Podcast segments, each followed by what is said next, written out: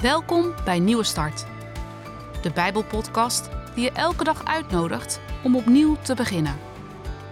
Soms kan het leven ingewikkeld zijn, maar je hoeft het niet alleen te doen.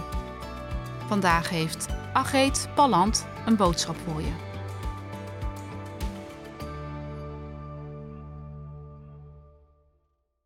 Als God bestaat, kun je dan iets van Hem ervaren? Hoe merk je of Hij er werkelijk is? Vandaag worden we uitgedaagd om daarover na te denken. In Psalm 34, vers 9 staat: Proef en geniet de goedheid van de Heer. Gelukkig de mens die bij Hem schuilt.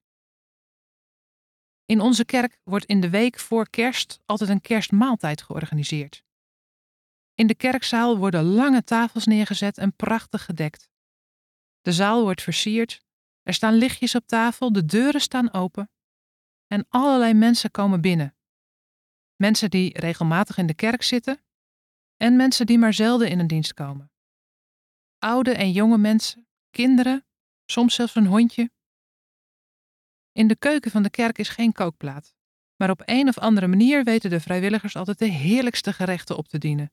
Drie, vier gangen komen er voorbij. Ik vind deze viering altijd een van de hoogtepunten van het jaar. Zoveel verschillende mensen bij elkaar, mooie kerstliederen en een goede maaltijd. Daar word ik blij van. In de tekst die we net hoorden staat: proef. Proef en geniet de goedheid van de Heer. Proeven doen we met onze tong. En dan denken we al snel aan eten en drinken. Eten en drinken is een geschenk van God.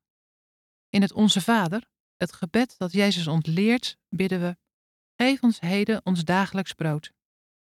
Als we dagelijks genoeg te eten hebben, zijn we God dankbaar dat Hij dat gebed heeft gehoord. Hij geeft ons eten en drinken en op die manier zien we iets van Gods zorg voor ons. In de Bijbel staan ook allerlei verhalen over eten en drinken. Een paar voorbeelden. Jezus zorgt op een bruiloft voor nieuwe wijn als de voorraad op is geraakt. En Jezus geeft duizenden mensen te eten door vijf broden en twee vissen te delen. God is betrokken op ons dagelijks leven. En Jezus liet dat zien door bij mensen aan tafel te schuiven en mensen te helpen als er tekort is. Toch is dat niet helemaal wat de tekst van vandaag bedoelt. Proef en geniet de goedheid van de Heer. Zoals je eten kunt proeven en je smaak aangeeft of het lekker is, zo kun je als het ware ook God proeven. Je kunt hem ervaren, net zoals je lekker eten kunt ervaren. Maar hoe weet je of je een gerecht lekker vindt? Als je wel eens bent wezen eten bij mensen uit een andere cultuur dan de jouwe, dan heb je waarschijnlijk iets gegeten wat je niet kent. Je kunt het gerecht eens goed bekijken en dan herken je misschien dat het kip is of rijst. Je kunt ruiken en proberen te ontdekken welke kruiden gebruikt zijn. Maar om te weten hoe iets smaakt, moet je een hap nemen. Dan proef je het gerecht pas echt.